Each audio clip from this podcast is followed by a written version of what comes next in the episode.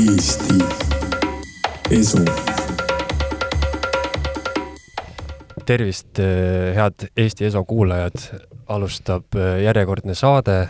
külas on mul täna Inga Lunge, kelle, kes on juba tegelikult teist korda külas. Eh, Ingaga juhtus siis selline asi, et noh, Inga ja minuga juhtus, et salvestasime saate, rääkisime metsikult põnevat juttu poolteist tundi ja siis juhtusid tehnilised viperused ja see saade on igaveseks kadunud, mitte keegi ei saa seda kuulda, aga õnneks Inga oli nõus uuesti proovima, nii et täna proovime uuesti. tere, Inga!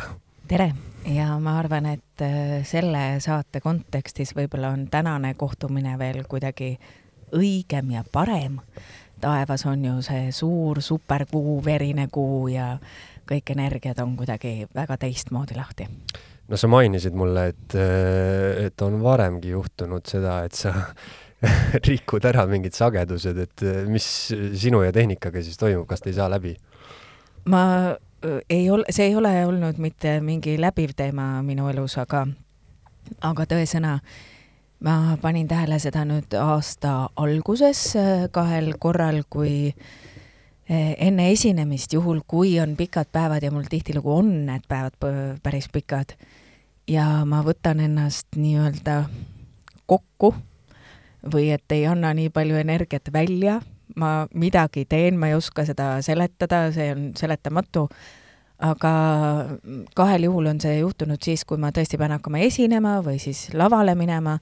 Ja on helimehed äh, olnud veidi mures, sellepärast et kui kõik teised levivad, siis mina ei levi millegipärast ja, ja loomulikult äh, püüda siis seletada, et, et probleem võib olla minus, äh, on natukene veider, sellepärast et asi on ju ikkagi tehnika ja füüsika ja niimoodi ei saa olla, aga nii nagu need energiat, mida me muidu võib-olla tunneme, et et äh, kui täitsa tavaliselt või lihtsalt seletada, et me saame ju aru, et kui me läheme ruumi ja ja seal on võib-olla inimesed omavahel tülis olnud, et siis sa tunned ja tajud kuidagi, et oot-oot-oot-oot, nagu õhk seisab ja on imelik olla või või et äh, sa satud näiteks äh, kahe inimese juuresolekul olema ruumi, kui seal vahel on mingi kirg või säde, siis see, ka selle tunned ära. seda on tunda, jah. eks ole, et, et neid asju me ju, ju ometigi tunneme et äh, ju siis võib see olla ka see, et, et sa mingisugused sagedused äh, siis plokid ära, plokid ära kogemata või et sa võtad sealt kuidagi, piirad ära mingisugused äh, kohad, et iseennast siis rohkem säästa või kaitsta. mõlemal juhul, kui nüüd mõtlen tagasi nii etendusele kui siis vabariigi aastapäeva pidulikule üritusele ERMis, mida ma juhtisin, et siis õnneks helimehed vahetult enne rahunesid maha, sellepärast et noh, siis juba lased äh, aga ennast lahti ja, ja hakkab tehnika jälle tööle. Aga nii, kui sa mulle helistasid ja vabandasid pikalt kuidas saade on untsu läinud, siis ütlesid, eks see muige, muigama pani. sa ütlesid jaa, et, et sa ei imesta selle jah, vabandasin, sellepärast ma mäletan toda päeva ka, et, et ma olin tulnud Tartust, ise sõitnud ja ma teadsin, ma pean tagasi minema. Ja oli veel ülesandeid päeva jooksul, nii et, et ma natukene säästsin ennast siin olles, mitte selles mõttes jutu mõttes, aga kuidagi ise siis, et mm -hmm. oma energiat hoida. no see on kõige, ütleme siis paranormaalsem asi, mis mul selle saate käigus on juhtunud, aga ilmselt ikkagi on no, väga normaalne. jah, kõik on seotud kõigega, kõik on võimalik, aga mina ei saanud aru, et mis toimub, sest kõik tundus justkui, et nagu töötab, aga see saade on igatahes kadunud. aga see selleks, nüüd sa oled uuesti siin eelmine kord äh, me alustasime enda juttu sellest, et äh, kas me üldse oskame hingata ja, ja sinu, sinu nime peale ma sattusin siis äh, teadliku hingamise kursuse mingisugusel leheküljel, et mis on teadlik hingamine, kuidas sa selleni jõudsid ja, ja tõepoolest, et et kas me siis ei oska hingata, mis on selline justkui oskaks, hingad sisse-välja ja asi korras loomulikult oskame kõik hingata, aga me ei pööra sellele tähelepanu ja võib-olla kõigile nendele nüanssidele ja võimalustele tähelepanu. Eh, näitlejaid tegelikult õpetatakse ikkagi koolis ka natukene oma hingamist jälgima, nii nagu lauljaidki. et eh, võib-olla tehakse neid hingamisharjutusi, kus sa siis eh, hingad mingi arv kordi sisse ja siis hoiad hinge kinni ja siis hingad välja mm, jälgida rohkem oma keha näiteks.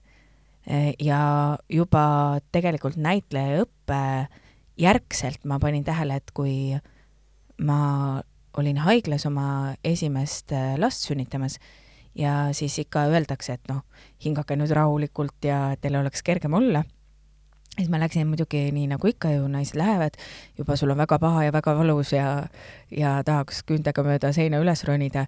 siis ma mõtlesin, ahah, tõesti hea, et ma siis püüan hingata ja ma öö, suutsin ennast niimoodi maha rahustada, et arstid olid veidi mures liiga rahulik. jaa, et oodake, nii ka ei saa et ikkagi sünnitada on ka vaja. ja siis ma mõtlesin, aa, et nii jälle ei ole hästi, et, et siis ma ikkagi hakkasin võimlema seal rohkem, et, et et on tõesti hingamisega võimalik siis iseennast maha rahustada, iseendaga keskmesse rohkem saada. Mm, need hingamispraktikad on ju praktiliselt kõigis erinevates mm, no kas religioonides või ka vaimsetes praktikates, et nad varieeruvad, on erinevad harjutused, mida tehakse, meditatsioonis kasutatakse, et see Äh, see ampluaa on nagu hästi suur ja lai ja see ei ole nagu kitsalt ainult nagu mingi, mingi ühe valdkonna pärusmaa, aga mina soovitan küll igal inimesel leida endale kas või üks hingamisharjutus, mis äh, aitab sul iseendaga kiiresti kontakti saada, äh, sellest välisest mürast välja saada, mida saaks kasutada näiteks siis, kui sa äh, oled ärevuses enne esinemist võib-olla või, või mõnda tähtsat kohtumist või et äh, saada kiiresti iseendaga uuesti kontakt. E, ja miks ma soovitan seda teha juba varakult või, või vaadata neid erinevaid harjutusi ja mõelda selle peale, on see, et äh, et siis, kui on ärev moment, siis me ei võta seda lambist kusagilt kiiresti, et, et siis äh, tavaliselt see kehakeemia võtab meie üle võimust ja, ja me lasemegi asjadel lihtsalt äh, minna mäest alla, meil on õudne olla, me higistame, meil süda lööb ja taob ja emotsioonid on ka pilla-palla, et äh, siis on hea, kui sul, sa juba tead, aa, mul on see harjutus, ma lihtsalt hakkan seda tegema. et äh, ja see aitab. nüüd, kui rääkida, et kuskohast neid otsida, neid harjutusi, siis muidugi võib lihtsalt, internet on kõikvõimas, seal on infot palju, aga Dan Bruleel, kes on siis äh,, äh, ongi mm, väga osav hingaja, kui professionaalne hingaja. jah, kui lihtsalt öelda, siis äh, Dan Bruleel on välja tulnud raamat, mis on ka eesti keeles olemas, Lihtsalt hinga, ja seal siis lisaks vabastava hingamise äh, seletustele, seal on väga palju erinevaid äh, hingamistehnikaid ja ja õpetusi ja ka ülesandeid, mida näiteks teha võib-olla nädal aega seal, katsetada ja proovida erinevaid hingamistehnikaid. ja ma usun, et sealt võib leida igaüks endale just täpselt selle, mis talle sobib. Äh, võib-olla on keegi kuulnud näiteks need Wim Hofi tehnikad, eks ju, et, et kus minnakse sinna hästi külma vette ja siis püütakse siis oma hingamist seal stabiilselt ja rahulikuna hoida ja, ja neid, neid variante on palju ja kõik need ei ole ekstreemsed et äh, võib olla täiesti mm, selline hingamisharjutus, mis äh, ei eelda seda, et sul oleks mingi tohutult suur kopsumaht või, või et sa oled ise füüsiliselt, ma ei tea, kui heas vormis, vaid, vaid pigem, et äh, minu meelest ongi hea, et kui ta on selline lihtne ja kerge, et sul on lihtne seda meeles pidada ja, ja et sa saad seda kohe kasutada, kui sul tarvis on. üks selliseid hingamistehnikaid, mida ma ise kasutan, on siis äh, HeartMath äh, Instituudi poolt välja töötatud äh, südame löögisageduse variatiivsuse äh, tõstmise harjutus, millest, millest ma arvan, et ma esimest korda äkki kuulsin kuskil viis aastat tagasi, kuus aastat tagasi ja ma olen seda saanud tõepoolest praktiseerida jälle siin ja seal. ja, ja harjutus ise on lihtne ja ma praegu eh, mitte ei kutsugi üles, vaid et, et äh, pigem kuulake praegu seda meie jutuajamist ja ja hiljem võib-olla kas kuulate järgi või saate siis järgi proovida, et äh, tuleks siis äh, kuulata omaenda südamelööke, alguses lihtsalt hingamist jälgida, aga siis kuulata südamelööke ja ja proovida siis nelja löögiga hingata sisse ja nelja südamelöögiga välja. see ongi siis niimoodi, et sa paned, on ju, näpud ja. kuhugi kas kaela peale või, või käe peale, on ju, randa Just. peale ja siis proovid nagu koos löökidega mm, -hmm. jah. ja ja, ja selles mõttes, et ta isegi, kui sa midagi muud sinna juurde väga palju ei mõtle või ei keskendu, noh, hää oleks, kui võib-olla mõtted oleksid pigem siis positiivsete asjade juures äh,. Ikka on niimoodi toredam elada. alati võiks olla. võiks olla, jah. ja et äh, teed seda harjutust umbes minuti jooksul, siis see äh, tõstab südamelöögisageduse variatiivsust, mis tähendab seda, et äh, on siis välja mõõdetud ja vaadatud, et meie süda kui ta väga masinlikult lööb ja südamelöökide vahel olevad äh, siis hästi tillukesed pausid, et selleks on väga täpsed mõõteriistad, mis seda suudavad mõõta, et kui need on äh, liiga ühesugused, siis me oleme rohkem stressis ja rohkem pinges. me muutumegi robotiks.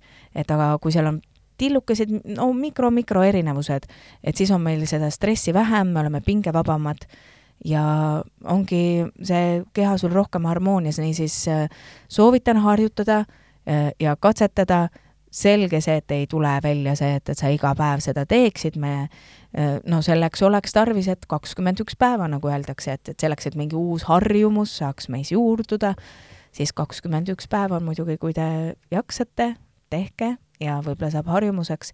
no selline et, see, see hingamisega seotud äh, selline rahustav mõju, ma arvan, et kõik on sellest kuulnud ja, ja kõik eh, on kuulnud, et noh, mediteerimine on hingamisele keskendumine põhiliselt ja ja kui inimene läheb närvi, siis öeldakse ju, et hinga rahulikult sisse ja siis mõtle uuesti järele või loe rahulikult kümneni, et see on selline hingamisega seotud. aga, aga hingamine on eh, selles mõttes justkui huvitav protsess, et eh, igapäevaselt, kui me lihtsalt oleme, elame, siis ta on justkui mitteteadlik, et me ei mõtle sellele ja, ja paljud ka teised protsessid kehas on ju seedimine, ma ei tea, vere liikumine, aga hingamisele, kui me ikkagi keskendume, siis me justkui saame nagu teadlikult hingata, et verd me ei saa veresoontes panna, panna seal pressida teadlikult, on ju, liikuma. aga et kui hingamisele keskenduda, siis sa justkui saad seda teadlikku hingamist teha, et sa rääkisid ka sellest, kui sa siis käisid sellel kursusel ja, ja nii-öelda tõsiselt proovisid esimest korda, et, et siis hakkasid juhtuma asjad, mis võib-olla, mida sa varem ei ole kogenud, et, et võib-olla natuke räägid sellest, mis, mis sinuga esimene kord juhtus, kui sa siis võtsid ette ja hakkasid selle meetodi järgi nagu teadlikult hingama? Äh, natukene vastuseks ka sinu küsimuse esimesele poolele, et see on tegelikult hämmastav, kui paljusid asju oma keha sees äh, inimene tegelikult ise kontrollida saab ja mõjutada saab. et äh, meile tundub, et kui me ise kohe füüsiliselt midagi ei näe või ei saa keerata või vajutada, et, äh, et siis see noh, et neid asju ei olegi olemas, tegelikult on. Mm, ja läbi hingamise sa mõjutad väga palju oma kehaga teisi organeid et kui saaks kogu aeg seda kaamerat nagu kaasas kanda, et, et mida me teeme oma kehale siis, kui noh, kas või seesama mõtlemine või et, et kas, kui me oleme heas tujus näiteks, et kuidas, kuidas siis on ja, ja kui me muretseme või, või, või kurvastame, et, et mismoodi siis meie kehas need molekulid, selleks oleks, oleks vaja väga täpseid mõõteriistasid. aga hingamise juurde tagasi tulles, et kui me räägime vabastavast hingamisest, ja Danbrule kursusest, mis äh, kestis nädal aega, äh, siis äh, ma tegelikult läksin täitsa avatuna ja, ja valge lehena ma ei, ma isegi ei guugeldanud enne, kes see Dan Brule on täpselt. et noh, mingi onu. ja usaldasin lihtsalt oma head sõpra Ants Rootslast, kes ütles, et Inga, ma arvan, et see võib olla midagi, mis äkki sind kõnetab ja mul ei olnud põhjust teda mitte usaldada, ütlesin hää küll, läksime koos ja, ja enne kursust siis tegi Dan ühe, mm, ühe helirännaku, äh, kuhu siis äh, selle järgselt või sellega koos siis ta tegi ka vabastavat hingamist, ise juhendas kõik kenasti. ja, ja kõik, oli kokku saanud päris hulk inimesi mm, eestlased vist valdavalt ikkagi kõik siinsamas äh, vanalinnas õpetajate maja saalis ja kõigepealt ta vestles ja rääkis ja tundus sümpaatne mees, äh, turvaline. ja, ja siis palus, et noh, madratsid olid kaasas, et, et teeme nüüd seda vabastavat hingamist. ja, ja ma olin jällegi kuidagi vist oma töödest ja asjadest tahtsin ennast niivõrd palju eemale tõmmata, et lasin kõigel minna ja noh, olles teinud erinevaid meditatsioone, no mis seal ikka olla saab. ja, ja täpselt kuulasin kõike seda rütmi äh,, mismoodi peab hingama ja ja kuidas tegema, kusjuures noh, sattus veel nii ka, et, et noh, ainukene, keda ma sealt teadsin, sealt tervest äh, suurest massist, oligi siis Ants, kes sattus olema ruumi teises servas, nii et ma olin kuidagi väga üksi. Äh,, noh, mulle meeldiski, väga hea oli nii ja kusagil äh, selle protsessi keskel äh, silmad on kinni, juba on teadvus kusagil läinud noh, rändama ja ma tunnen füüsiliselt äh, ikkagi oma kehas, et äh, toimub mingi kummaline protsess, kus ma äh, no ma kujutasin ette, et ma hakkan nagu leviteerima või et äh, hakkan äkki nagu üles kerkima. ehk siis mu käed öö, justkui kerkivad maast lahti ja ma mõtlesin, et kas see on nagu normaalne, kas see on nagu päriselt või ma kujutan seda endale ette. Äh, ja samas tuli kohe kiiresti see kontroll, äh, see noh, see mõistus seal, mis hakata, üritas kontrolli ruttu saavutada, et mis toimub, sellepärast et äh, see keha oli nagu mõnes mõttes minust eraldi, samas ma ju tundsin, mis toimub, aga äh, ma ei saanud kohe ennast kuidagi liigutada või, või, või ma, ma ei oska seda seletada mm,. oli selline väga ehmatav olukord ja hingamine läks hoobilt paigast ära, sellepärast et no paanika tuli kerge sisse, et mis nüüd täpselt toimub järgmisena oli mul tunne, et, et mine tea, äkki need jalad ka panevad vupsti siit äh, põranda pealt minema ja kiiresti arvutasin peas, et, et see lagi oli küllaltki kõrge seal, et kui nad nagu avastavad ja ma sealt ülevalt alla prantsatan, et see on ilge jama ja üldsegi, kas ma saan sinna kehasse tagasi või et äkki ma olengi kuskil siin lappes ja mind pärast äh, transporditakse kuhugi minema ja see olukord läheb käest ära, ehk siis kõik nagu hirmumõtted, mis üldse saavad pähe tulla ja kuna ma ei osanud mitte midagi teha sellist, noh, need vanad võtted, kõik see, et, et kuidas ma iseennast olen harjunud elus kontrollima, need nagu ei töötanud, siis ma sain aru, et mul ei ole midagi muud ei jää üle, kui et, et ma kuulan edasi, mida see Dan räägib ja lähen uuesti sinnasamasse rütmi tagasi. sain rütmi tagasi ja, ja siis, kui see läbi sai, ühesõnaga lõpetati ära see rännak, ja ma silmad julgesin avada, noh, ma õnneks ei olnud lae all, ei olnud alla ka kukkunud, ma arvan, ma oleks tundnud ikkagi, aga käed olid tõesti üle pea läinud, siis äh, minu kõrvalt olid nad liikunud üle pea, ilma et ma oleksin ise tahtnud neid tõsta. ja ma vaatasin kõiki neid inimesi enda ümber ja ma mõtlesin, et noh, et, et kas nendel ka juhtus midagi imelikku. Äh, aga paluti siis noh, nii nagu ikka sellistes kohtades, äh, kõigil on hästi tore tagasisidet anda ja mida nad kõik kogesid. Ja mina vaatasin neid sellise hirmunud pilguga ja võtsin teki kiiresti endale ümber. Ja muidugi kujutasin ette, et kui ma nüüd suu lahti teen, sellest mitte keegi ei rääkinud, et see asi on veider, aga minul oli selline tunne, et ma olen sattunud mingisse kohta, mis ei ole päris Sekti. normaalne. Jaa, ja et nad tuleks kõik kinni panna ja ära viia siit, et selliseid asju ei tohi teha. ja ja siis ma, ma ei tahtnud suud lahti teha, sellepärast et ma kujutasin ette, kuidas kõik vaatavad, et aa, näed, Inga Lunge. ja noh, et, et see on siin, tead, veits koputada saanud. ja siis ma ikkagi ar-, mitte väga arglikult, aga ütlesin, et noh, nii ütlesingi, et, et ma ei tahtnud nagu väga siin sõna võtta, aga aga et kuna see asi on imelik, et siis ma ikkagi nagu räägin. ja rääkisin ära ja ütlesin, et see on väga imelik, mida, kuna ma rääkisin vist hästi kiiresti ja, ja hästi emotsionaalselt, siis Tanile püüti vist hästi kiiresti siis tõlkida ka seda, mida ma siis eh, edasi annan.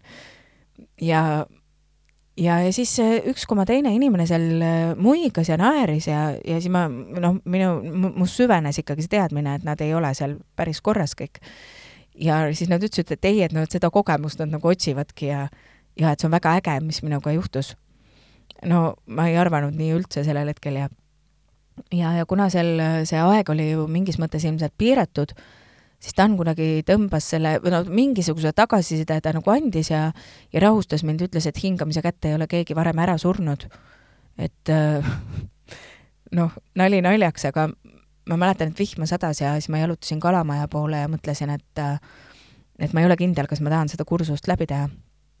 ja siis ma ikkagi läksin, ma andsin sellele Dan Bruleele teise võimaluse ennast rehabiliteerida minu silmis.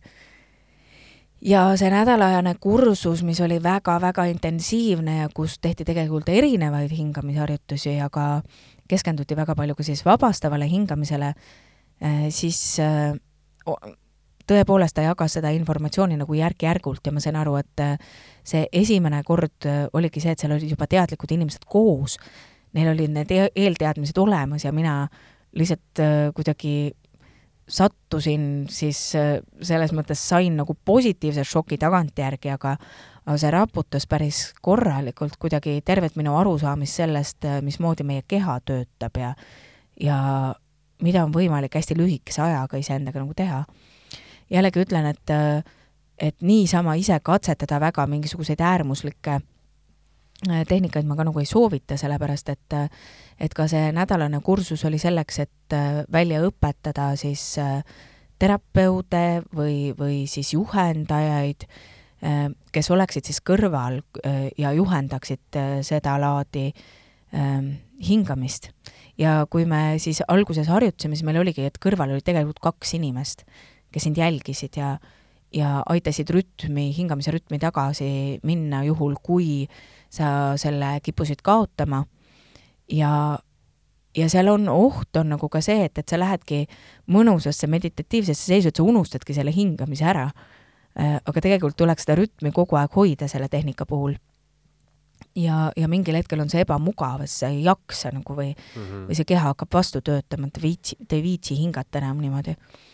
ja mis siis juhtub, on siis see, et, et lihtsalt äh, äh, lähebki see tänu sellele teistmoodi rütmistatud hingamisele, äh, mida jällegi soovitan lugeda ja uurida, et äh, Tanil seesama raam, raamat siis äh, lihtsalt hinga, seal on ka sellest juttu, et et mis siis täpselt juhtub ja, ja miks siis juhtub, see ei juhtu igale ühele, et käed hakkavad kuskil kerkima.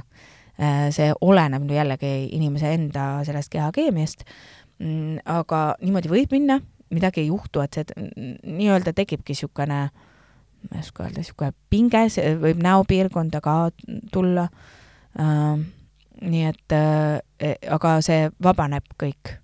ja miks seda või mis see kogemus siis on või miks sellist asja peaks nagu üldse tegema?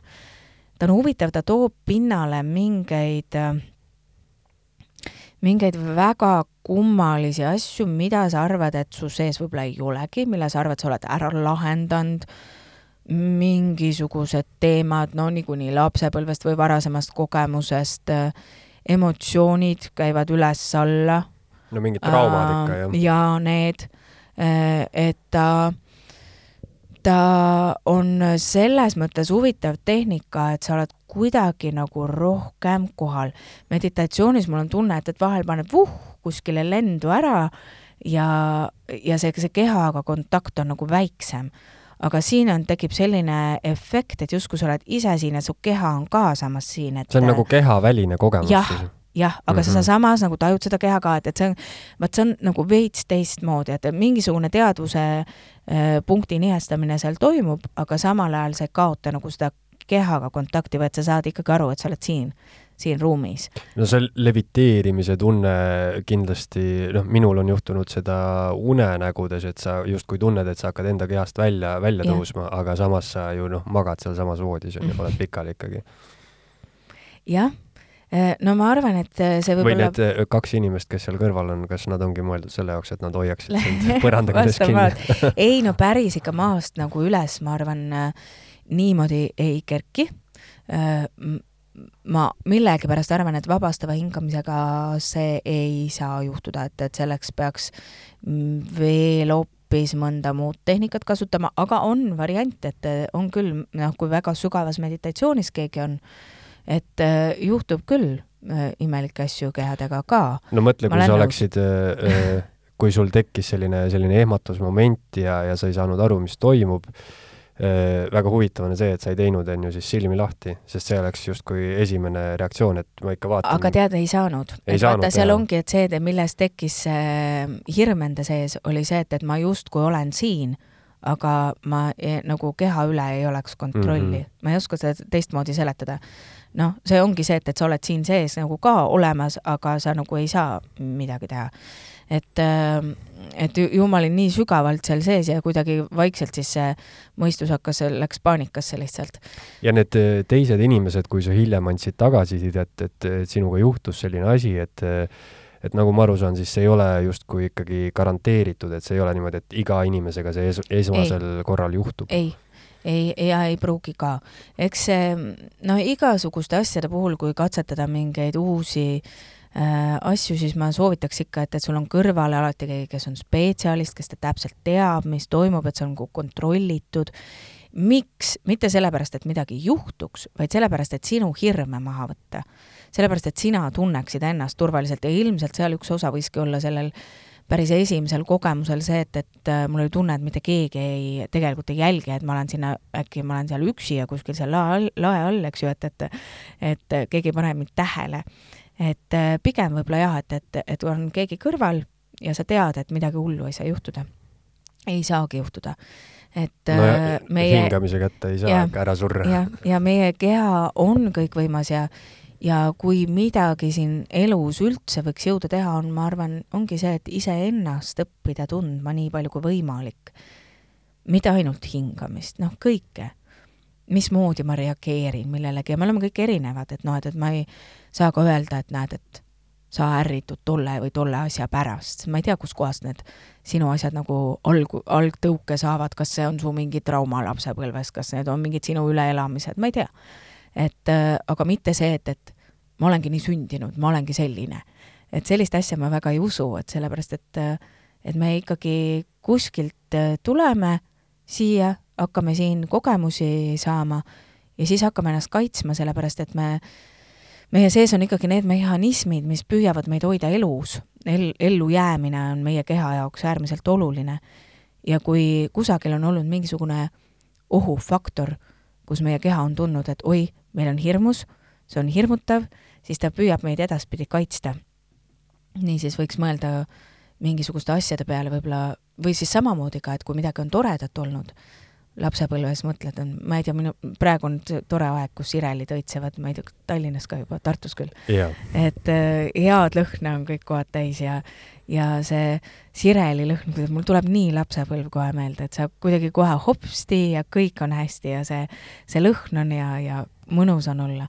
et äh, aga samamoodi kinnistuvad ka kõik siis need sellised mm, hoiatavad hetked et mida me oleme endasse salvestanud ja me ei, ei pruugigi ise teadlikud olla sellest, et me oleme midagi endale sellist nagu külge haakinud, pookinud ja see teebki meist meie.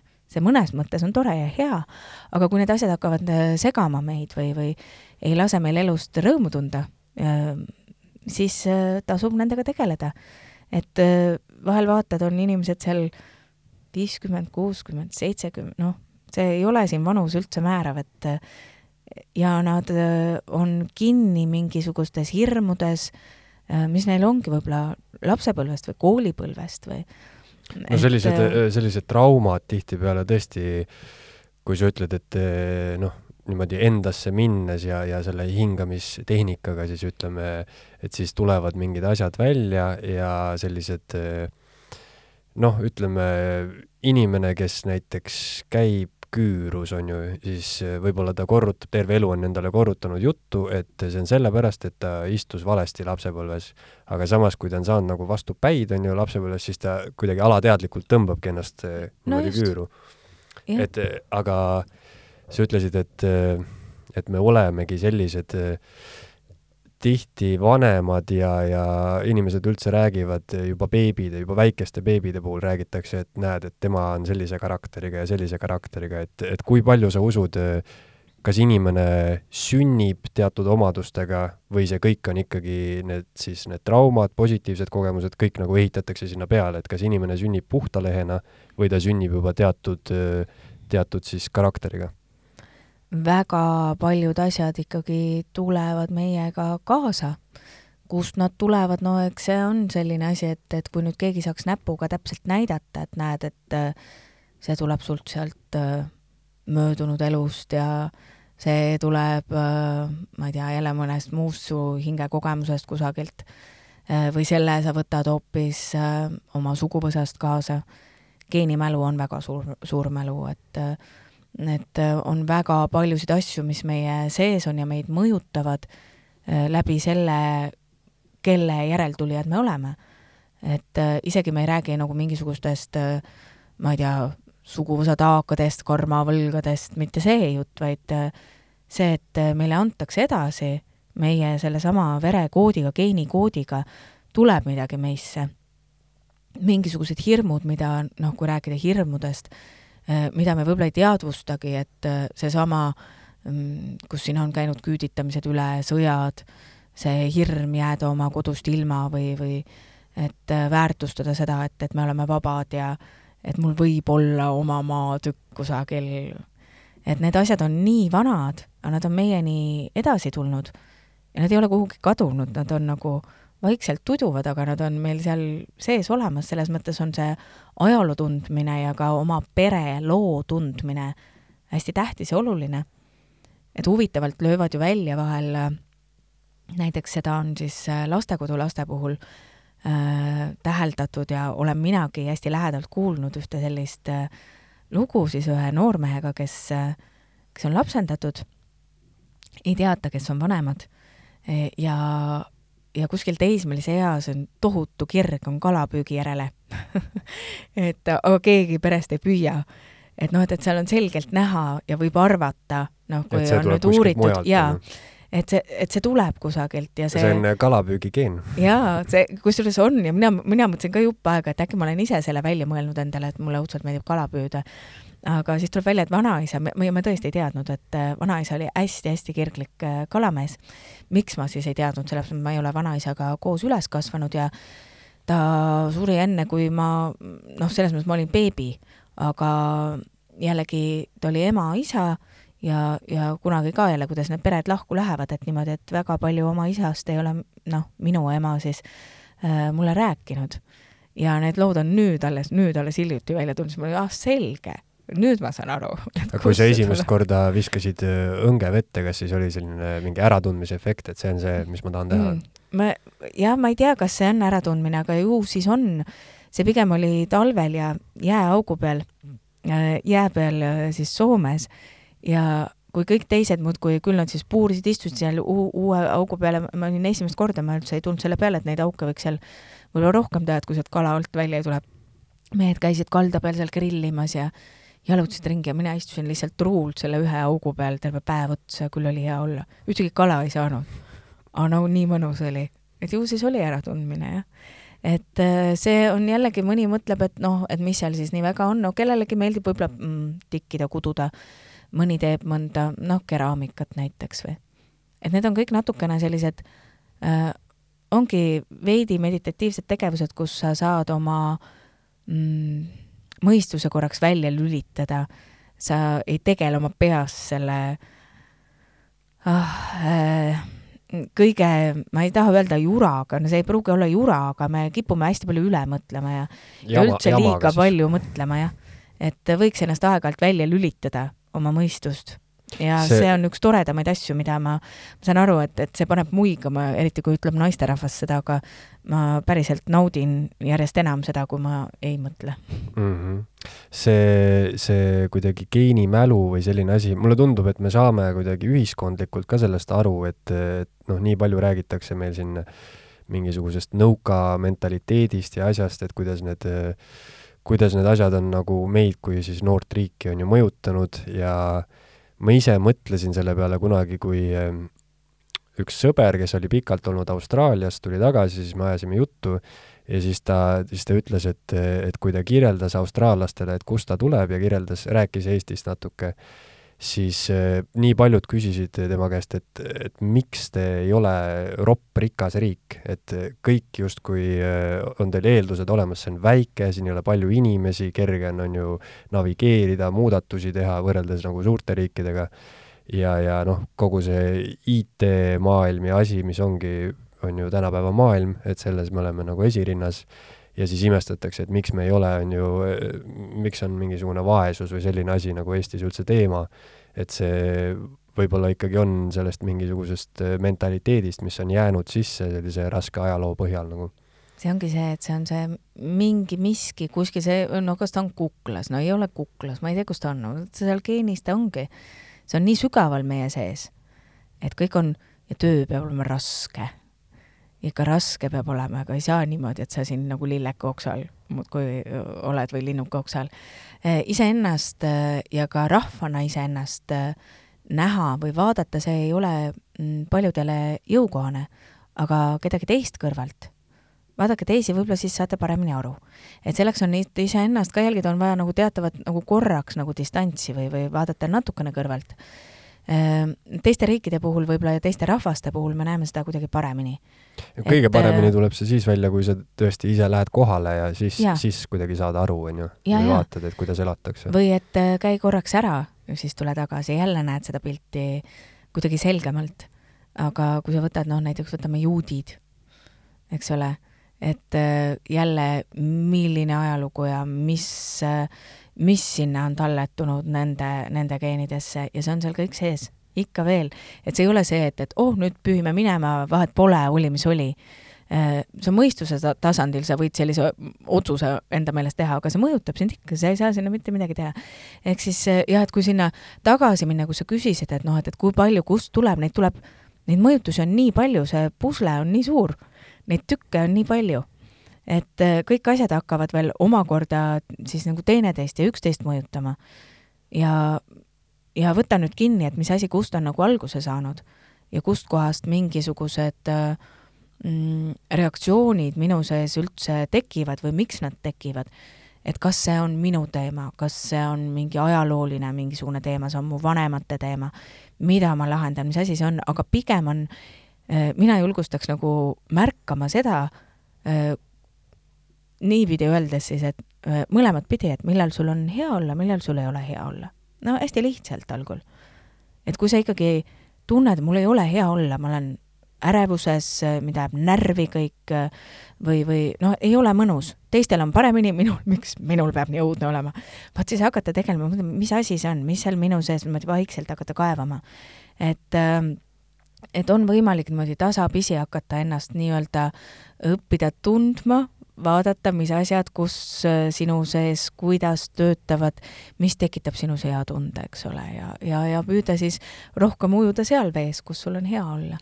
ja üldse selle jaoks, et selline, ütleme siis äh, eneseteadvustamine nagu saaks toimuda, selle jaoks mulle tundub, et ongi vaja kuidagi mingi siis mingit moodi nagu ennast väljastpoolt vaadata, et kas see on siis see hingamistehnika, kas see on mingi meditatsioon, et siis sa saad äh, justkui ütleme, ennast vaata väljaspoolt vaadata, et võib-olla igapäevaselt, kui sa mõtled, oled ärevuses, miks kõigil on nii hästi, siis sa oledki selles, nii selles, selles segaduses sees, et äh, sa oledki sellega harjunud, see ongi sinu elu, see on piin, kannatus, elu on kannatus vaata, kui huvitavalt sa ütlesid, et, et vaataks kõrvalt ja samal ajal see, kuidas sa ise, Taavet, praegu kirjeldasid, oli see, et, et sa lähed iseenda sisse. nii et ongi kõik see väline ja sisemine, see kõik on üks. nüüd, kui hingamisest rääkida, siis on ju huvitav see, et äh, läbi hingamise, kui te mõtlete, siis me oleme ju kõik seotud. hingamine ongi see, äh, mina praegu siin hingan, sina hingad, varem või hiljem see sinu hingatud õhk on siin juba minu mm -hmm. sees ka, eks ole et äh, see läbi selle õhu me oleme juba seotud, noh näiteks nii, sellest ju saab ju ometigi juba ka see arutlev mõistus aru siin äh,.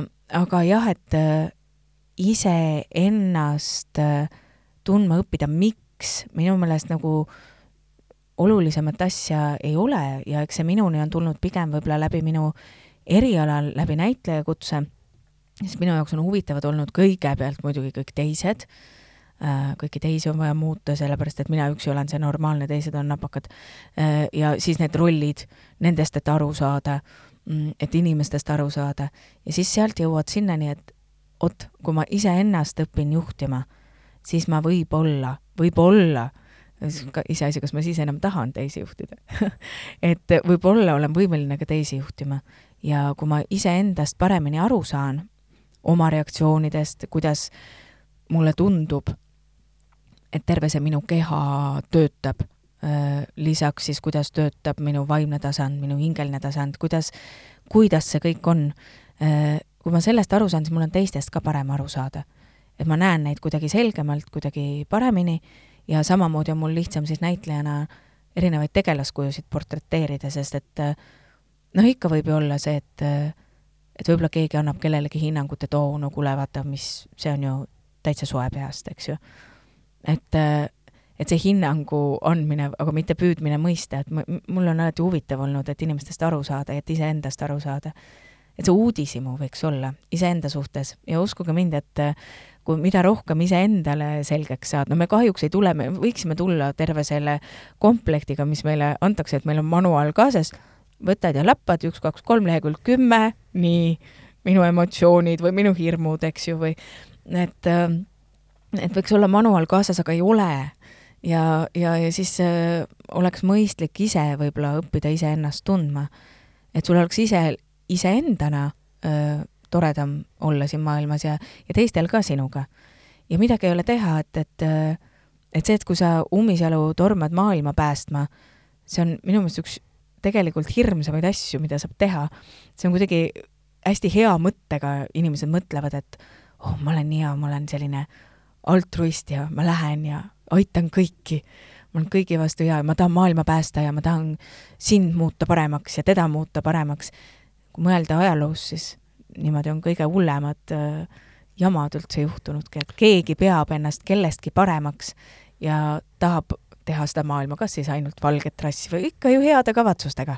no ikka jah, ja see on samamoodi, et, et kui sa oled nii hea ja sa tahad kõigile meele järgi olla, sa ütled kõigile jah, siis sa tihtipeale teed hoopis nagu liiga sellega, sest sa noh, kõike sa ei jõua, sa võib-olla hoopis lased üle selle inimese, kellele sa oled öelnud jah, et see ei ütlemine justkui võib-olla tundub, et et ei ole nii-öelda teisele teisele osapoolele hea, aga noh, lõppkokkuvõttes see ikkagi on hea aga, aga. ja, ja oi, see on veel palju laiem teema, kuhu sa nüüd tahad välja tüürida, aga selle ma jätan hetkeks puudutamata, see on jälle see ja see on jälle, ma pigem ütleks, see ei ole teise, see ei ole mitte kunagi küsimus, jällegi iseenda juurde, miks ma tahan seal kellelegi meeldida, on ju.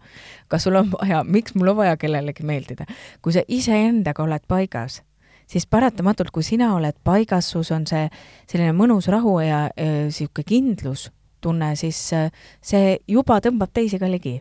see, see juba on meeldimist väärt ja, ja pigem meile ju meeldivad inimesed, kes on meiega ausad ja on siirad. ja kui ma päriselt tunnen midagi, et äh, mingi asi mulle on vastukarva, vastumeelt, ma ei pea sinna emotsiooni lisama, aga ma saan seda siiski sulle peegeldada see on, äh, nagu ma ütlesin enne, et, et ennast vaadata väljast, on vaja minna sisse ja see on samamoodi, et me kõik oleme nii erinevad, aga me kõik oleme ka inimesed ja jagame nagu väga suurt, on ju, osa, et kõik Just. on mingis mõttes nii sarnased.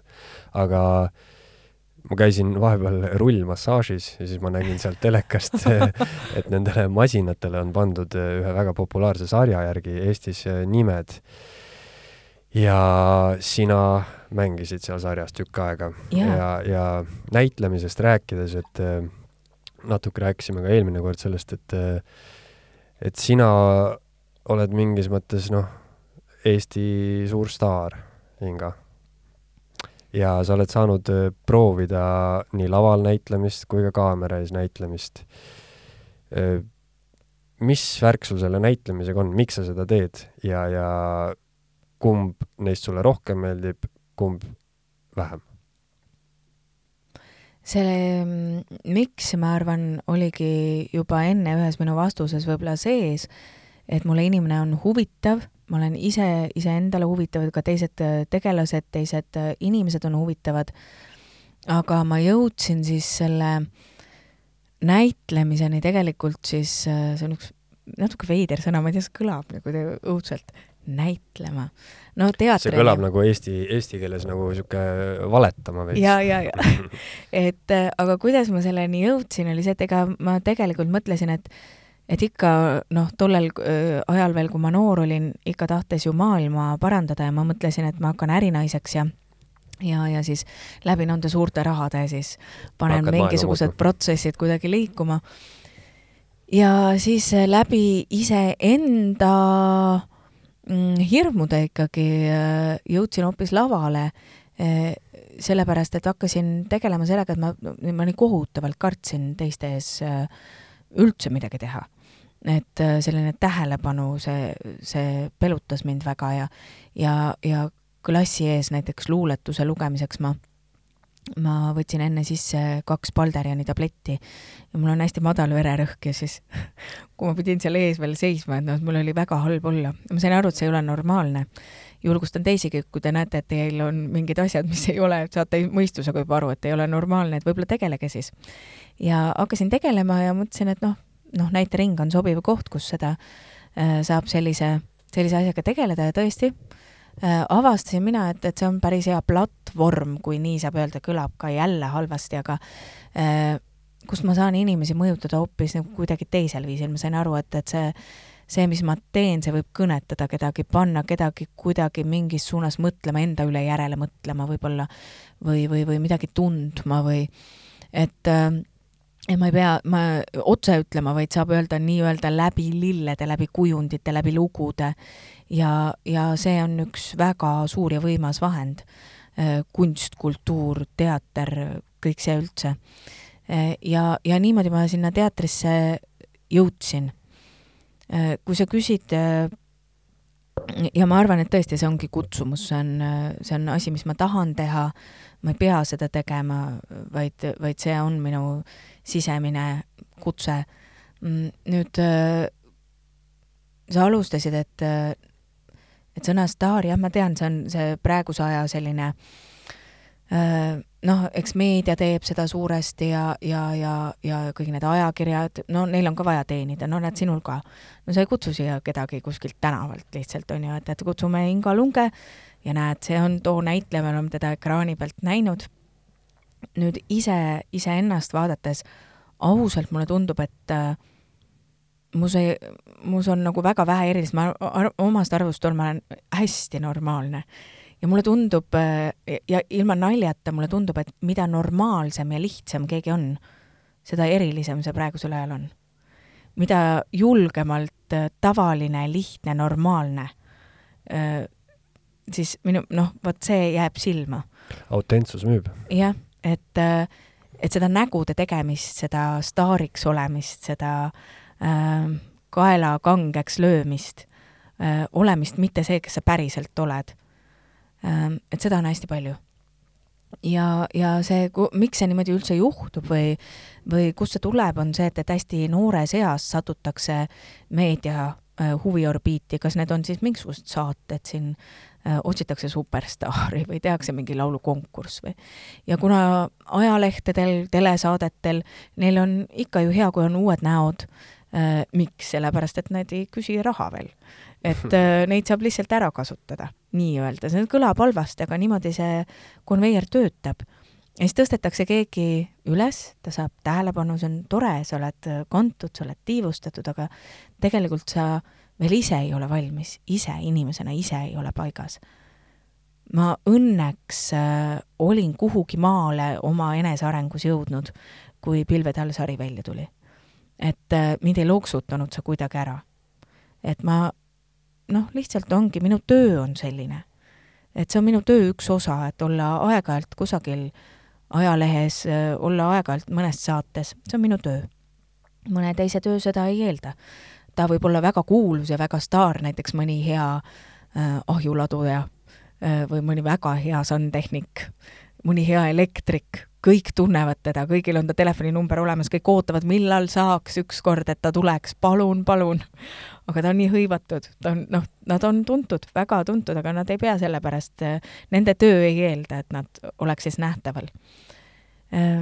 Nüüd, kui sa küsid, et kumb mulle rohkem meeldib, kas siis kaameraga töö või, või lavatöö, siis ma jällegi ei võrdleks, nad on niivõrd erinevad, et et, et näitlejana laval ja see suurem erinevus, millest äh, ma usun, et ka kuulaja aru saab, on see, et, et publik on saalis ja neid inimesi on seal tavaliselt palju, nad äh, on sinuga kaasas, äh, kui sa seda lugu räägid näitlejana laval.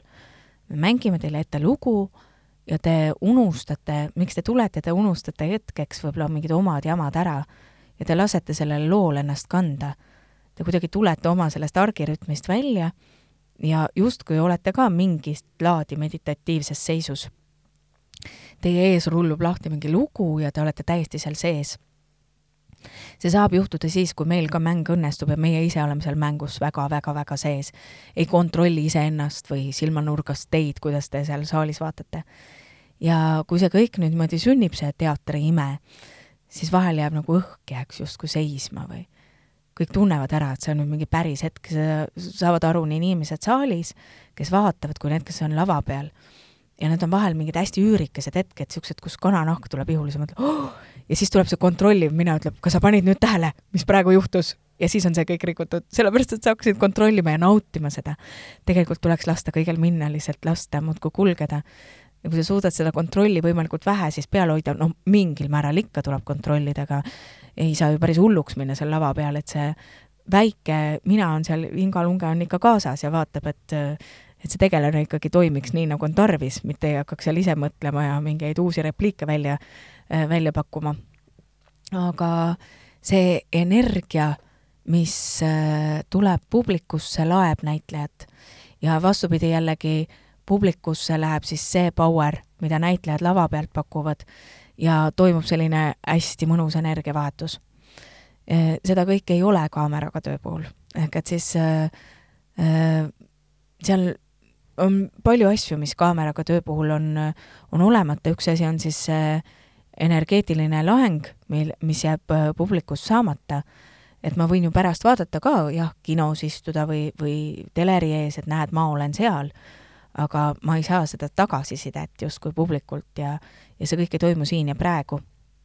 võib-olla jah, keegi kirjutab sulle kirja või, või noh, et, et selles mõttes, aga, aga sellist ener-, e-, energiavahetust ei toimu.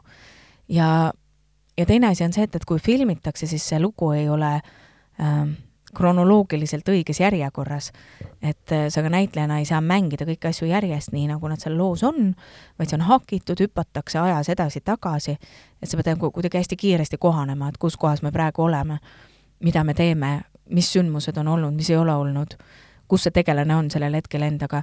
et äh, noh, näiteks sarjafilmides seal oli ikkagi päris palju, no nelja osa filmisime tavaliselt korraga ja, ja sedagi läbisegi ja siis läks täiesti sassi vahepeal, sellepärast et me olime mänginud, ma ei mäleta, kas see oli Erni Kasega vist, äh, kellega no meil oli juba palju-palju stseene tehtud ja siis tuleb järsku üks stseen ja ma ei saa aru läbi selle nelja osa, tähendab, kas me oleme juba oma suhtes jõudnud nii kaugele, et me oleme juba suudelnud või veel ei ole mm. -hmm. et mida ma mängin ja siis me lappasime neid äh, tekstiraamatuid, et aru saada, noh, mida ma mängin et äh, see on see äh, keerukus, aga seal on väga palju oma plusse, mis mulle väga meeldivad kaameraga töö juures, et äh, seal saab mängida hästi palju väiksemate vahenditega.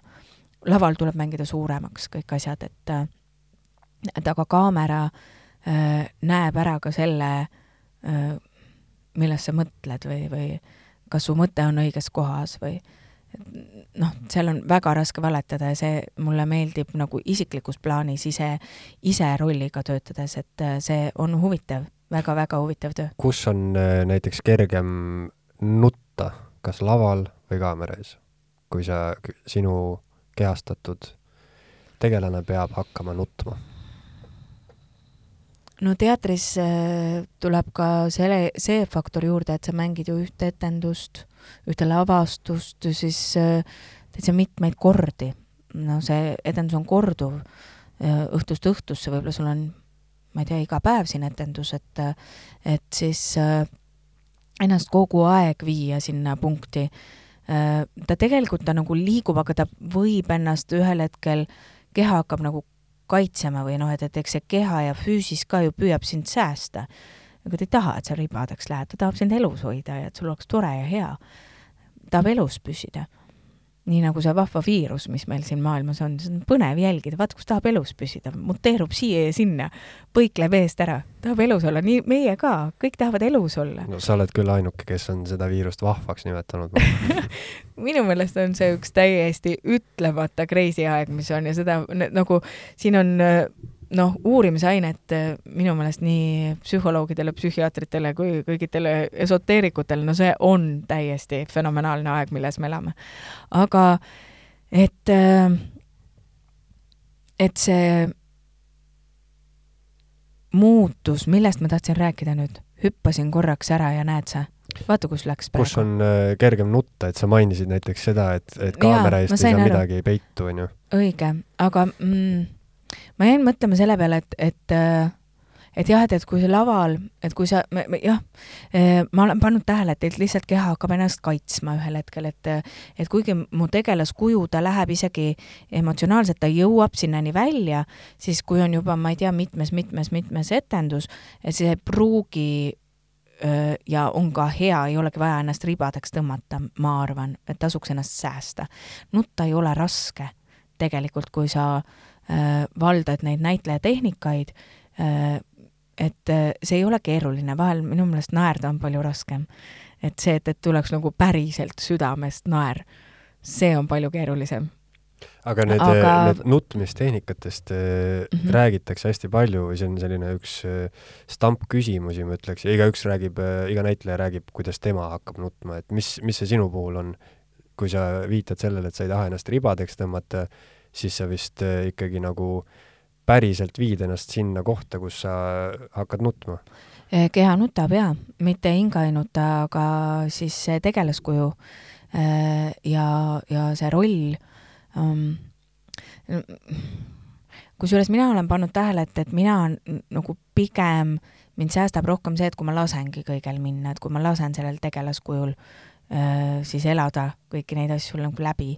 meil suvel möödunud suvel mängisime sellist äh, äh, lavatükki siis nagu Vana klaver äh,, kus mul oli hästi keeruline koht äh, emotsionaalses plaanis mm,. oli tarvis siis pärast äh, ühte surmateadet, mille minu tegelaskuju, see oli varem salvestatud siis ekraani peal, teatab, Valdo Pandi surmaga on sellel hetkel tegemist ja äh, ka seda salvestada oli keeruline, mõelda ennast olukorda, kus äh, sa pead oma sõbra ja kolleegi surmateate edastama otse-eetris. et see on täitsa pöörane äh, väljakutse ühele tavalisele inimesele. et äh, ja seda oli raske teha, et hoida samas seda väärikust, seda telediktori väärikust ja samas ka kõik need muud äh, aistingud ja tunded, mis su sees käivad, aga lavastuses oli siis sel-, on selline koht, äh, kust pärast seda äh, tuleb laul kohe ja ma laulan. ja nuttu ja naeru segamini kohe. ja see oli iga kord päris mõnus väljakutse, mõnus selles mõttes, et see oli väga ilus. ma siis tädi Ruti kehastuses äh, lava pealt ma justkui nägin seda Valdo Panti siis mm, nagu viirastusena ära minemas, mängis mulle va äh, äh, vastu siis Veiko Täher äh, ja ta jalutabki siis nagu noh, teiste vahelt läbi ja ainult mina näen teda. ja, ja see, kui me vaatasime lava, suur lava, tema ühes servas, mina teises servas, see hetk iga kord, et ta mängis, no see on jälle see, et kuidas tekib kahe partneri vahel, kas tekib see ähm, kas tekivad need hetked, kas tekivad need energeetilised momendid või ei teki, no seal tekib meil omavahel vähemasti, et ja, ja see võtab jalad alt ära.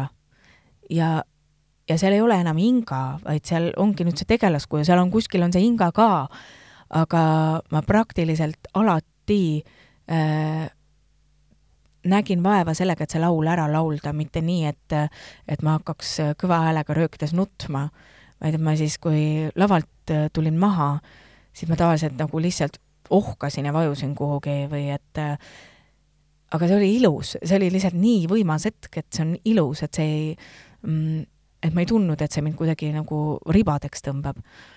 Et aga kui sa küsid, et noh, et, et milline oleks nüüd nagu tehniliselt nagu tehniliselt, tehniliselt on ka võimalik nutta ja tehakse sibulatega trikke, eks ju, ja ja mõjutatakse väljaspoolt, et no nii nagu rollide puhul ka tegelikult on võimalik töötada seestpoolt väljaspoole, see on nüüd see nutt, mis siis, millest ma rääkisin enne, et tulebki seestpoolt väljapoole.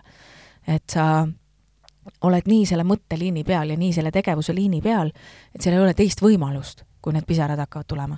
ja, ja, ja teine, ja see, see on ikkagi ka enda ärakaotamine, seal on oluline faktor, et nii kui sa kontrollid ja vaatad, kas nüüd tuleb see nutt nüüd praegu või ei tule, no siis ta ei tule mm. -hmm. et see, see kontroll tuleb ka, lasta nagu usaldada, lihtsalt usaldada.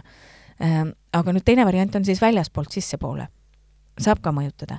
ehk siis noh, kas sa nüüd selle sibulaga seal siis mässad, on ju, või, eh, või on võimalik äh, ka lihtsalt teed iseendale selles mõttes haiget, et vaata, sa ka praegu siin ei ole ühtegi head eredat valgust, aga sa võid vaadata niimoodi tükk aega mingisse valgusesse ja ära pilguta silmi. siis küll sa hakkad nutma mm -hmm. et on, juba selle mõtte peale. jaa, juba tunned. ja siis äh, pane natukene juurde ja lörista juurde ja, ja juba läheb. et äh, neid, neid on erinevaid nõkse ja veel ja veel ja, ja eks äh, mina jällegi ütlen, et kõige mõnusam on ikkagi see, et, et kui sa suudad äh, mängida nagu tervet seda rida sündmuste ahelat niimoodi, et äh, sa jõuad sinna kuidagi nagu loomulikul teel, ennast kahjustamata. ja ma käisin ka seda vana klaverit vaatamas, kas sa mängid see, see aasta ka seal? ja, ja, ja mm -hmm. meil tulebki äkki kuskil, ma arvan, kaheksa etendust teeme. okei okay., siin äh tuli välja üks asi, kui sa hakkasid rääkima sellest, miks sa oled näitleja, sa ütlesid, et sa tahad seda teha, et sa ei pea seda tegema ja see oli, kui me eelmine kord kohtusime, siis see oli võib-olla selline asi, mida mul oli kõige raskem oma, oma selle nõuka mentaliteediga võib-olla mõista, et, et kuidas see võimalik on. aga sa rääkisid äh, ühe väga huvitava olukorra, kui sa olid äh, kodus, kodu oli segamini, oli vaja koristada, kõht oli tühi, oli vaja poodi minna, laps oli lasteaias, oli vaja äh, talle järele minna. ja siis sa kuidagi said aru, et, et sa ei pea neist mitte midagi tegema, et äh, sellest, sellest sinu jutust jäigi mul selline, selline arusaam sinu elu, elufilosoofiast põhimõtteliselt, et sa ütlesid, et sa ei pea mitte midagi tegema, sa tahad teha ja mul on äh,, siiamaani on seda väga raske mõista, et äh, mina ikkagi usun sellesse, et peab olema raske ja peab mingeid asju tegema. muidugi, sellepärast et see on ju sulle kaasa antud, ma arvan, et ju su vanaema, vanaisa, nemad on ikka pidanud seal kuskil põlla peal ja peab ikka ära rohima ja, ja mulle tundub, et me kõik peame. jaa äh,, aga mis on need asjad, mis sa pead tegema? No ütleme nii, et äh... no võtame mingi lihtsa nagu täna, ärme nüüd nagu üleüldse noh no,. hakkame okay, lihtsatest ja siis ma, lähme keeruliste asjade peale. Äh, ma lähen siit ära ja ma kindlasti peaks süüa tegema endale pärast kodus no ongi, olemegi jõudnud siiani, aga siis äh, mina sellistel puhtukudel, nii kui ma panen tähele äh, enda pea sees, sealt tavaliselt see pean pea seest, pean tulebki, äh, siis äh, ma ütlen endale stopp, stopp, stopp, stopp, stopp, oota korra. Äh, miks ma seda teen? kohe seletan ka, vaat nüüd sina ka lähed koju, mõtlen, pean süüa tegema. muidu noh, ma ei tea, mis seal siis juhtub, aga no hea küll, et noh, pean tegema ja siis ütlen endale, et vot aga ära siis tee e, iseendale oma pea sees, et kui sa leiad, et pean tegema, siis ära tee nüüd noh, seal mõnda aega, no võime fantaseerida, kuidas see siis välja näeks, läheb Taavet koju, eh, ei tee süüa, vaat näed, Inga ütles, et ära siis tee. no seal oled, siis juba tunned, kõht koriseb. siis on juba kehva olla, pilt hakkab ühel hetkel häguseks minema, no mis iganes asjad, no ma ei tea. ja siis sa tunned, et sa väga tahad süüa. ei pea, keegi ei sunni. see pean energia on tegelikult, mis seal juhtub, on see, et see on teisele, kellelegi teisele tähtis. kui me elus mõtleme, võtame lapsepõlvest tagasi, ma pean koolis käima, ma pean seda tegema, ema ütleb, sa pead oma toa ära koristama, see on kellelegi teisele oluline. see tähendab seda, et see jõud ja energia läheb kellelegi teisele ja sina oled nagu tühi kalts. nii kui sa mõtled juba ainuüksi mingisuguse peana asja peale, siis see on natuke tüütu, ta on ebamugav, ta on ebameeldiv, sul ei ole hea olla lihtsalt. kohustus on see, see on ikkagi. kohustus, jah, aga see ei pea nii olema, on võimalik teistmoodi. ehk et siis jälgida iseennast, sest mis me enda pea sees teeme, on see, et, et me defineerime paljud peanõülesanded, kuigi nad on tegelikult tahanõülesanded, ümber sõnastada. Ja tahan ülesannetega, tuleb energia meile endale tagasi. see on meile tähtis, mõelge elus asjade peale, mis te teha tahate. ja te teete neid hoopis paremini, te teete neid suurema innuga, te panustate sinna rohkem aega ja te saate sealt tagasi ka palju rohkem. et see emotsionaalne laeng, teil on, enesetunne on palju parem, te võite öö läbi võib-olla teha mõnda asja, mida te teha tahate. nii et, et kui sa lähed koju, siis tee süüa siis, kui sa seda teha tahad Aga ei ole vaata, tarvis seal, enne tegema hakata. kas seal ongi see vahe, et ma tahan süüa, aga ma ei taha süüa teha?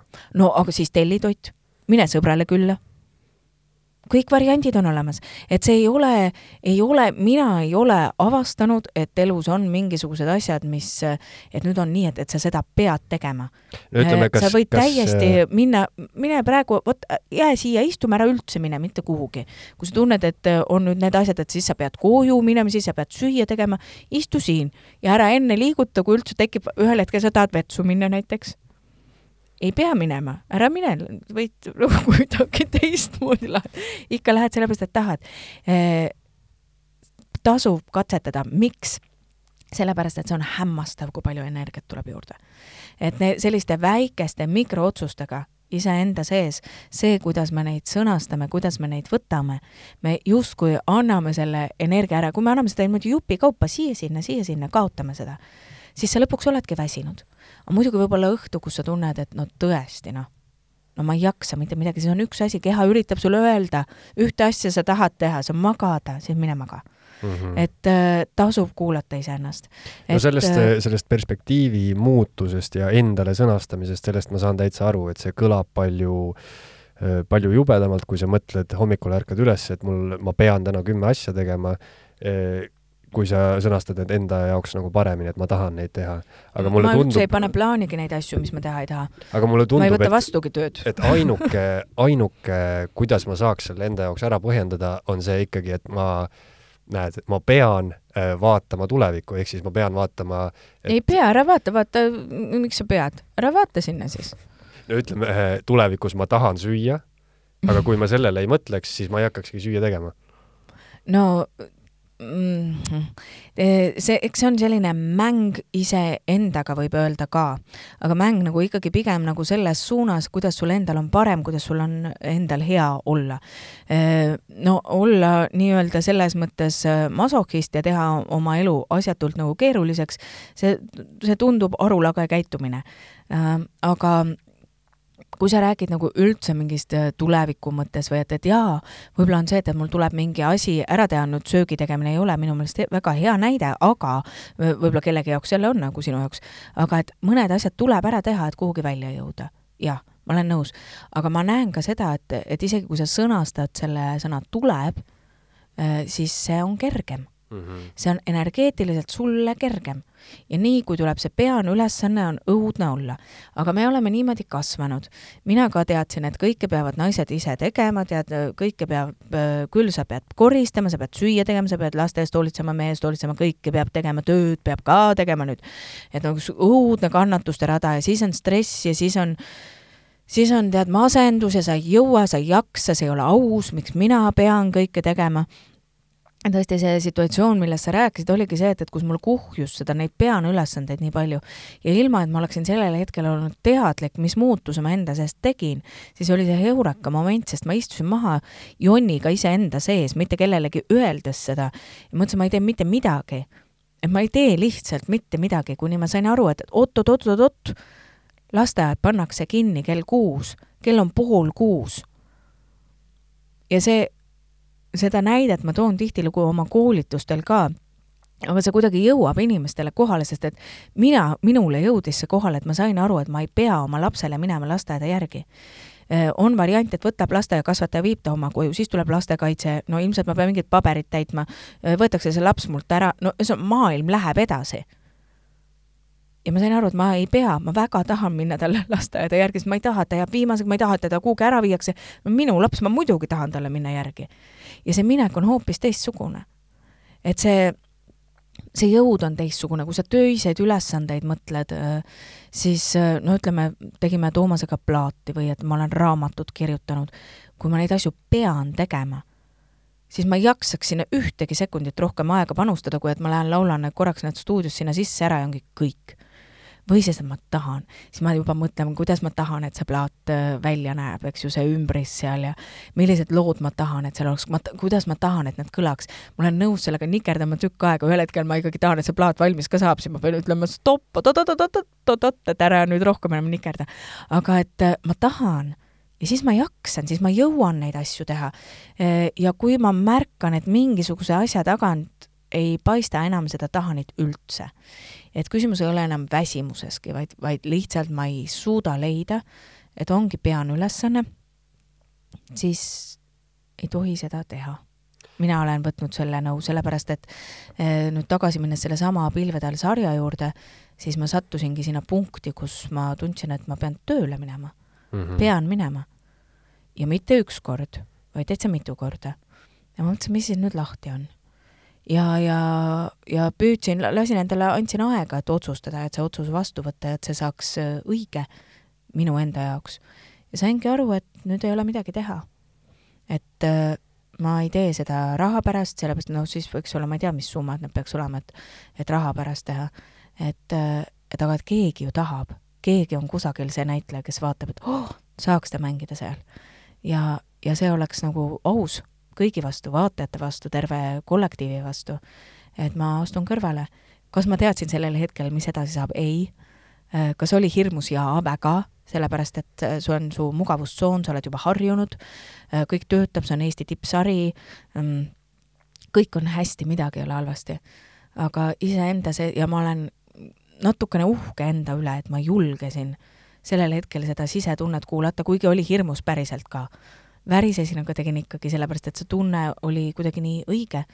ja, ja tõesti, eh, on võimalik jääda kinni ja jäävad inimesed eh, oma töökohtadesse kinni, oma eh, mingisugustesse eluvalikutesse, sest nad tunnevad, et sa pead pead, pead, pead ja nii sa hakkadki oma energiat sööma, sa oled väsinud, sa enam ei jaksa, see hakkab tervisele, äh, sa oled teiste vastu nõme, sa käitud halvasti, sa reageerid üle, äh, kõik, kõik see asi tuleb ja, ja mina loomingulise inimesena, õnneks suhteliselt noore inimesena, lihtsalt julgesin teha selle otsuse ja praegu jälgin ennast kogu aeg.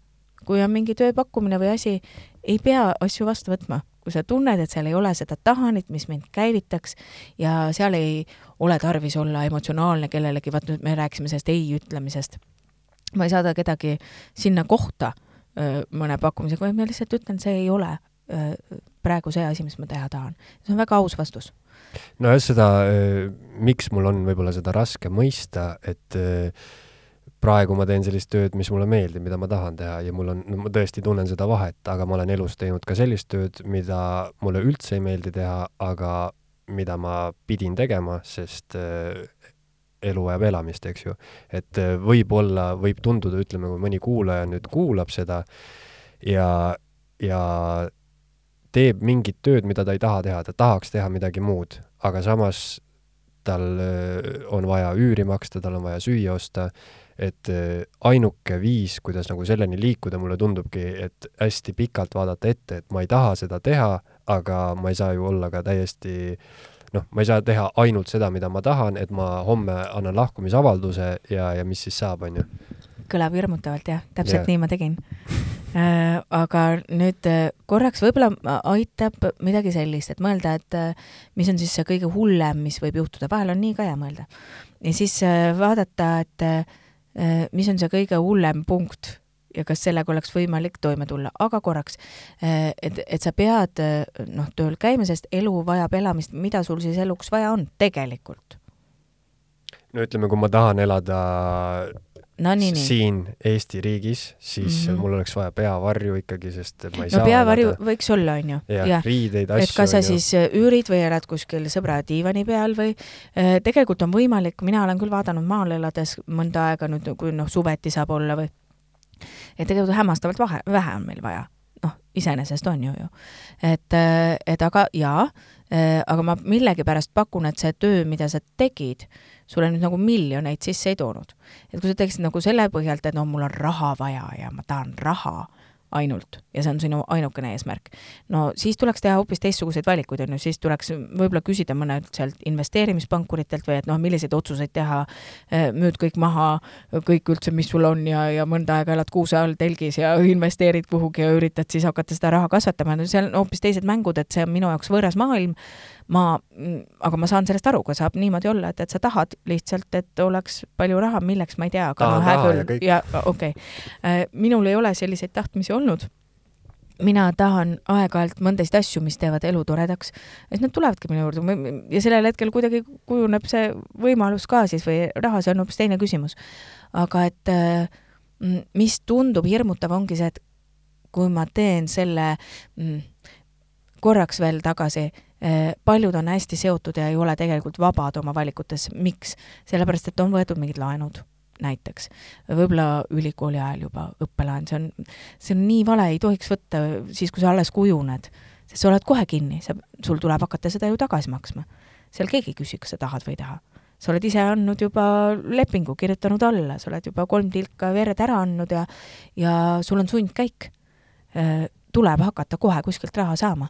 ja see ei ole juba enam see valik, et mis ma teha tahan, vaid sa lihtsalt vaatad paaniliselt ringi, andke midagigi. et no siis ei ole seda valikut, et ma lähen elan kuuse all, sest no nii, just täpselt nii ongi.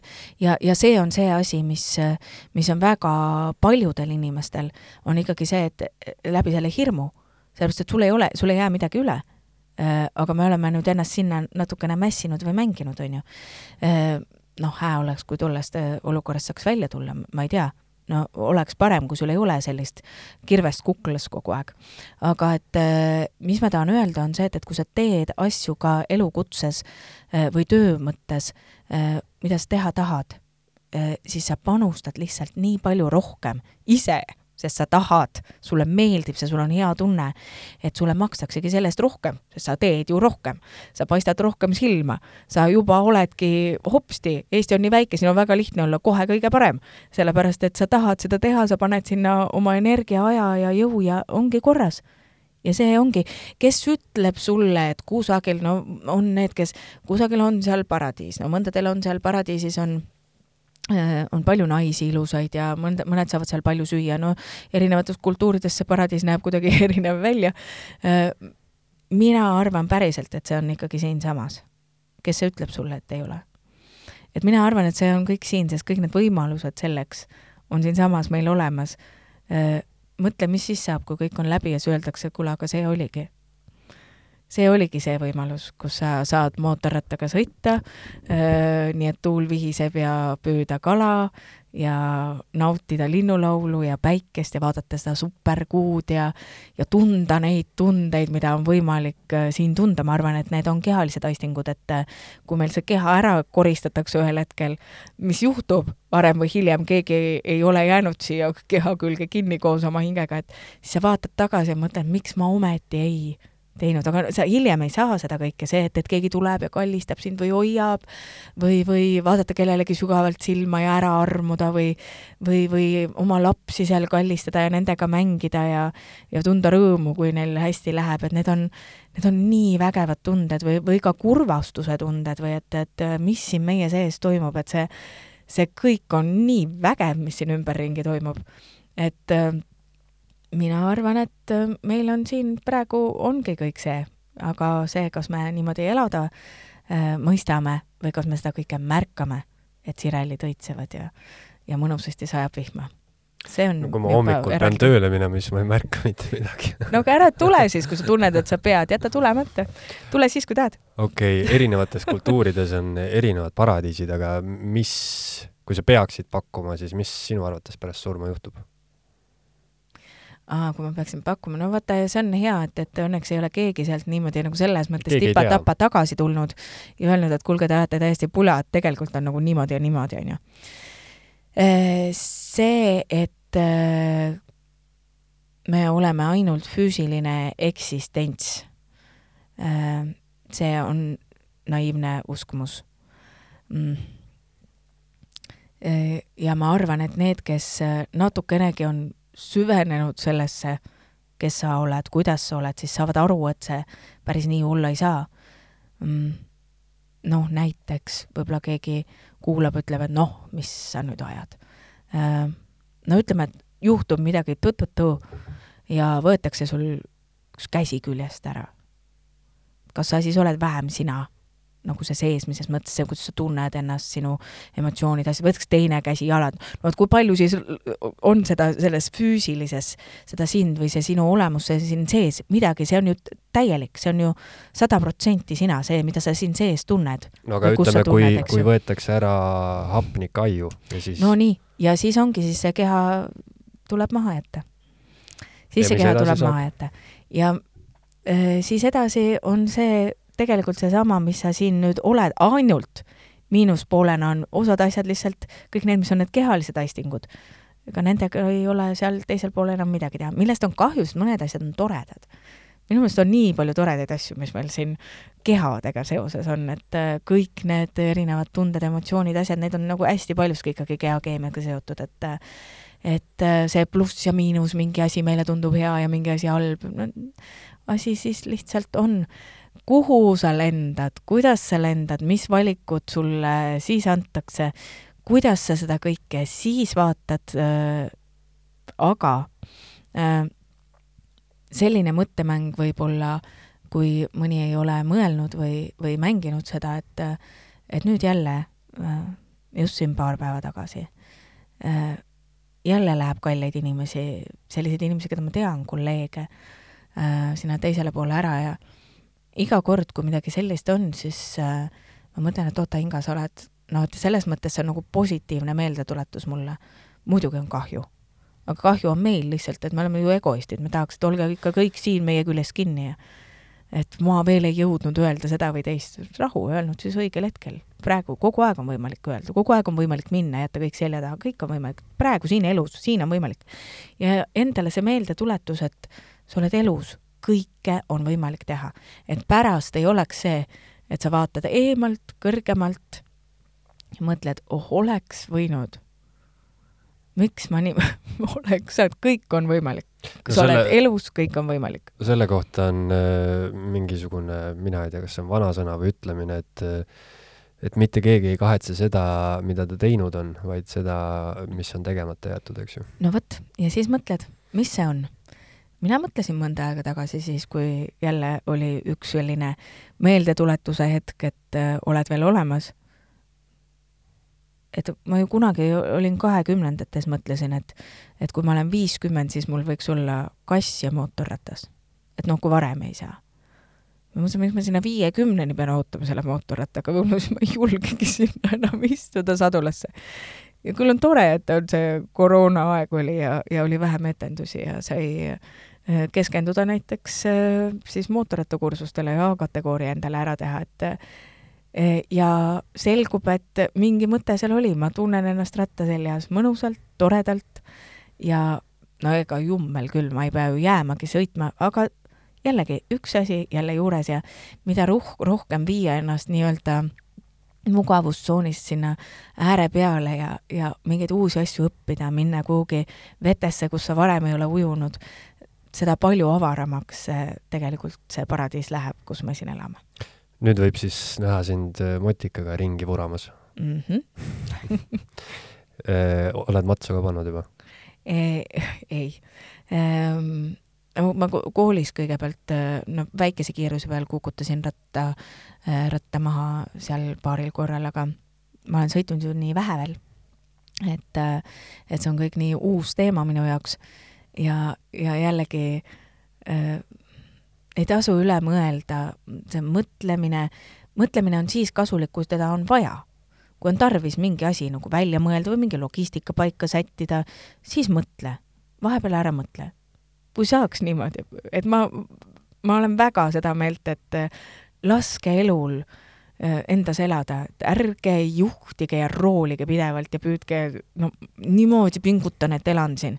et laske elul enda sees toimetada, vaadake, mis juhtuma hakkab, et äh, ma mõtlesin, et ega ei ole ju kiire nendega ja noh, näis, millal jõuab need load ära teha ja ja, ja sattus mulle tõesti suurepärane sõiduõpetaja, kes mu äh, siis selle miinimumtundide arvuga eksamini vedas ja, ja sai see eksam tehtud ja edasi ma sain aru, et nüüd on tarvis ratast, sellepärast et noh, on ju tarvis sõidukogemust ja ma ei saanud aru, kuidas ma jaksan selle ratta osta, sest et noh, praegune aeg siiski sul ei ole selliseid rahalisi võimalusi.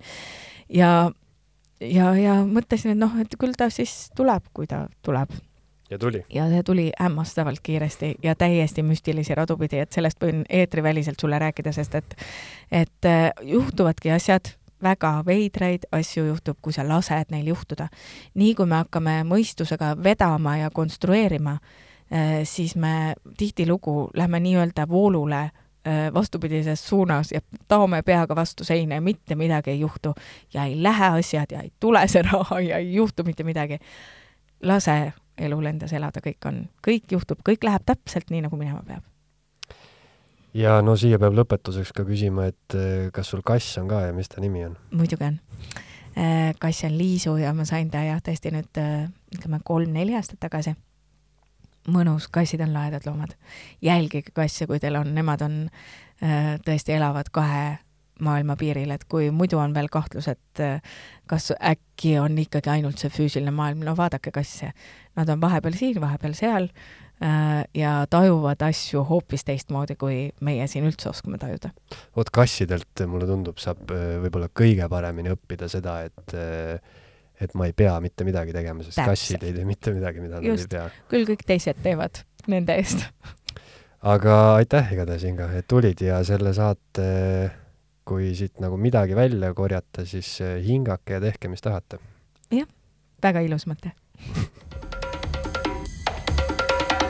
Eesti. Esu